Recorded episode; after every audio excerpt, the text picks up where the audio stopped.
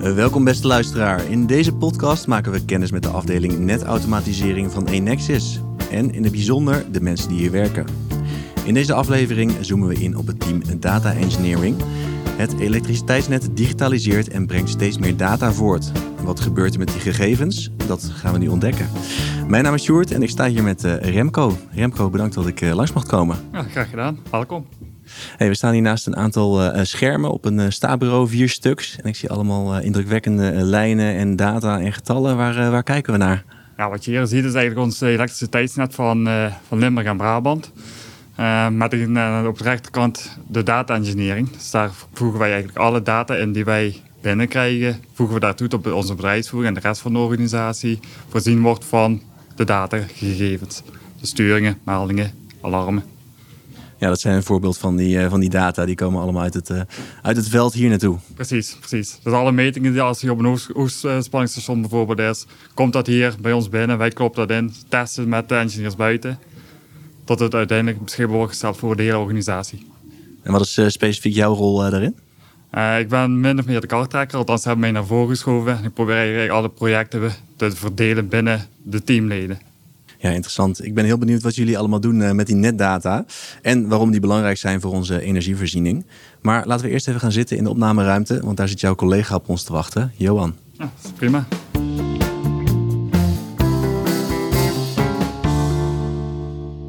We zijn inmiddels aangeschoven bij uh, Johan.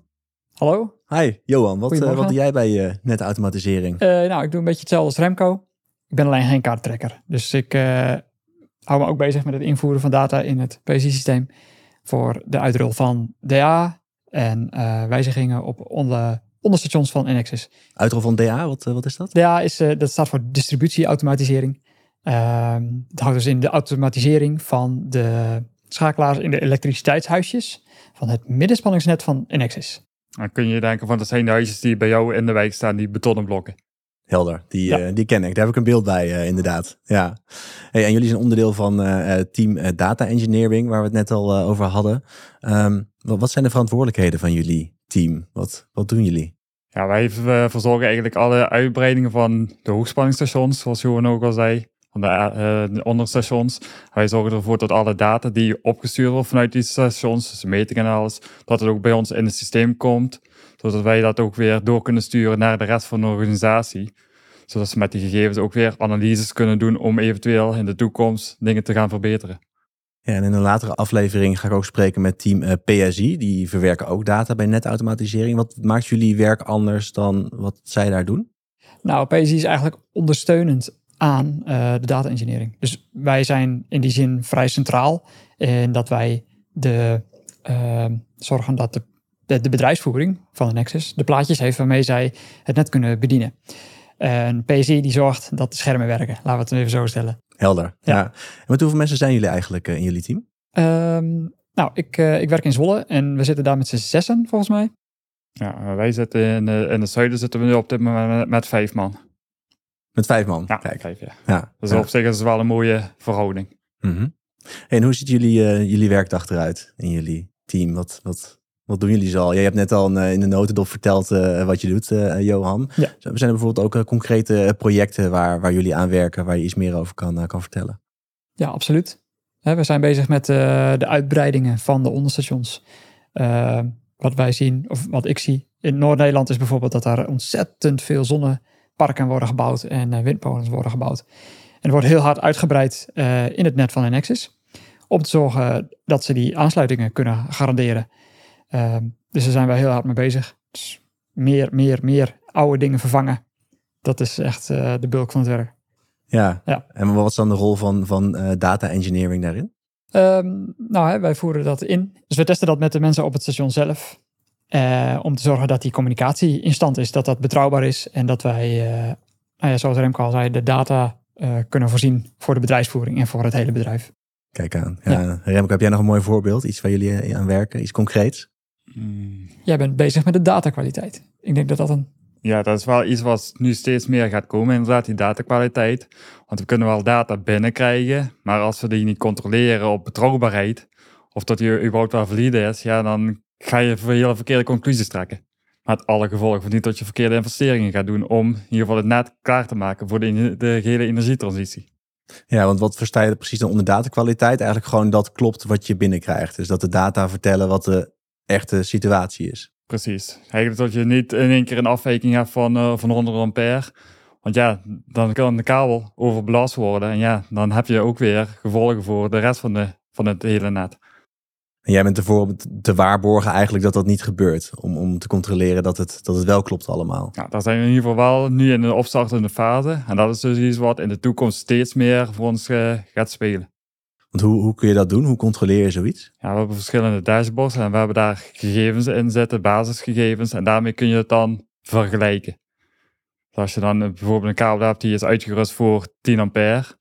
En in één keer zie je daar een stroomloper van 20 ampère. Ja, dan weet je van, daar, of de kabel is niet goed, of de, de meting is niet goed. En dan moet je eigenlijk iemand oppassen om te lokaal te laten controleren van, wat, wat meet je daar? Ja, ja, interessant. Het is eigenlijk gewoon een kwestie van, uh, van vergelijken en uh, de afwijkingen onderzoeken. Precies. Ja. En je zegt, we zijn het een beetje aan het, aan het opstarten. Wat is er voor nodig om, om, om dit verder uit te rollen? Mensen. Mensen. Dat, dat, dat, dat is al geweten. Dat als je, hebt gewoon, je hebt gewoon mensen nodig die uh, het leuk vinden om met data te werken om, en dat te analyseren. Ja, helder.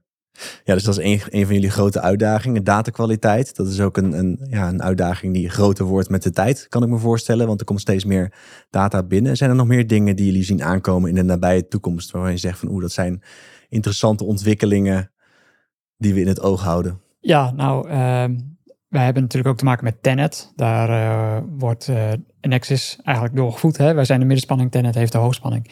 En Tenet heeft een heleboel stations, oude stations, waren eerst ook uh, deel van één en hetzelfde. Er was dus één netbeheerder die deed zowel de hoogspanning als de middenspanning. Daar zijn ze nog steeds bezig om dat uit elkaar te trekken. En in de tussentijd zijn al die hoogspanningsstations ook aan het verouderen. Dus uh, zegt de waakhond, uh, jullie moeten alles vervangen. En zeggen we, willen 110 stations in uh, 10 jaar gaan doen. En daar is, er zijn heel veel mensen nodig bij Tenet natuurlijk, maar bij ons ook omdat wij die stations in ons systeem ook moeten afbreken, weer opbouwen. Uh, en Nexus heeft daar ook heel veel mee te maken. Want op de stations zelf, daar vindt natuurlijk ook een heleboel communicatie plaats. En uh, ja, dat heeft nog wel wat, uh, wat werk omarmen. Ja, ja. Is, is dat iets waar mensen bij stilstaan? Dat als je een fysiek station uitbreidt of, of toevoegt aan een net, dat er ook een, een dat het digitale systeem ook op de schop moet? Ik denk dat heel veel mensen niet weten wat er allemaal aan data en überhaupt aan data vanuit zo'n station gebruikt wordt wat we daarvoor gegevens uit kunnen halen. Ja. ja. Want ze zien wel overal de, de masten staan, maar voor de rest denk ik dat heel veel mensen nu geen flauw benul hebben van wat het allemaal precies inhoudt. Ja, kun je mij daar een beeld van geven? Laten we eens inzoomen op, op een station. Wat, wat voor data komt daar uh, zoal uit? Ja, ik heb uh, recent heb ik een nieuwe, nieuw project heb ik afgerond. Ja, daar zitten gewoon iets van 2000 datapunten in. 2000 datapunten. Dan kun je denken aan alarm die je binnenkrijgt.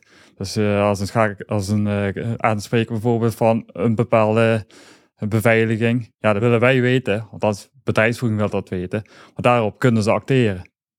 Dus kunnen ze mensen naar buiten sturen of uh, dingen afschakelen, want ja, daar zit dan een fout in. Ja, wel heel interessant allemaal. Um, hoe lang zijn jullie al met deze onderwerpen bezig bij Nexus?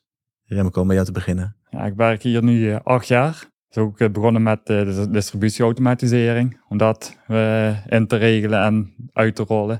En uiteindelijk ben ik nu doorgegaan dan naar die hoogspanningsprojecten.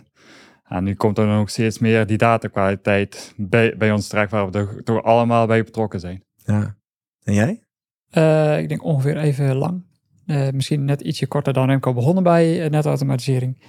En ook begonnen op de DA natuurlijk. Daar starten we eigenlijk allemaal de, de distributie en dan uitgroeien naar boven naar de grote onderstations. Ja. ja. En hoe is het voor jullie om dit werk, uh, dit werk te doen in deze omgeving? Leuk. Ja, leuk. Heel, ja. heel uitdagend. En wat maakt het uitdagend? Ja, geen, elke, geen, geen, geen, dag is hetzelfde. Je kunt denken van ik ga, morgen ga ik aan, aan dit project werken. Maar als je een telefoontje krijgt van er is een storing, ja, dan moet je eigenlijk alles uit je handen laten vallen. En dan moet je je daarop gaan focussen. Dus die planning, ja, die moet wel gehaald worden, maar die storingen, dat maakt het aan de ene kant toch wel weer leuk. Dat het toch weer anders is dan een normale werk eigenlijk. Het is heel onvoorspelbaar, kan ik me voorstellen, maar dat maakt het dus juist leuk. Dat ja, maakt het juist, die, juist die afwisseling. En je bent ook bezig uh, met uh, iets wat impact heeft. Dus als je zo'n storing hebt, bijvoorbeeld de telefonie of iets dergelijks, je zorgt er wel voor dat uh, dat centrum hier bereikbaar blijft. Want wij zijn natuurlijk ook, wij zijn van Team Data Engineering, maar we zitten ook allebei in de storingswachtdienst. Dus we kunnen s'nachts in een week inzetten, zes weken, misschien is ja, bij jullie wat langer, gebeld worden. Mm -hmm. En als ze zeggen van help, de telefoons doen het niet meer, dan moeten wij op onderzoek uit er is natuurlijk een hele structuur aan andere mensen voor ingericht die ons daarbij helpt. Um, ja, ja, dus nu je dan ligt te slapen met, het, met je telefoon naast je kussen en dan kun je om drie uur s'nachts gebeld worden van jongens, er is een storing, ja. uh, kom naar kantoor en los het op. Dat yep. zou kunnen, ja. Het is vooral dan niet de storing die buiten plaatsvindt, maar dat is eigenlijk binnen bedrijfsvoering. Oké. Ja. Als een hoeststation bijvoorbeeld on onbereikbaar is geworden, ja, dan is het aan ons de taak om de eerste analyse te doen van Waar zit het probleem? Is, ligt het in het netwerk? Is dat dan misschien bezig met werkzaamheden? Of is het station echt onbereikbaar dat ze iemand vanuit bedrijfsvoering op pad moet sturen om lokaal te gaan kijken van wat er aan de hand is? Ja, maar ook al is het intern, het is ontzettend belangrijk dat het wel werkt natuurlijk. En dat je kan communiceren met al die onderdelen van, uh, van het net. Uiteraard. Ja. ja. ik kan me voorstellen dat het heel spannend is inderdaad om voor een, voor een netbeheerder te werken. En waarom, waarom specifiek Enexis? Waarom hebben jullie het hier zo naar jullie zin? Het is voor mij op 10 minuten afstand fietsen. Dat is wel een hele grote Groot voordeel. voordeel.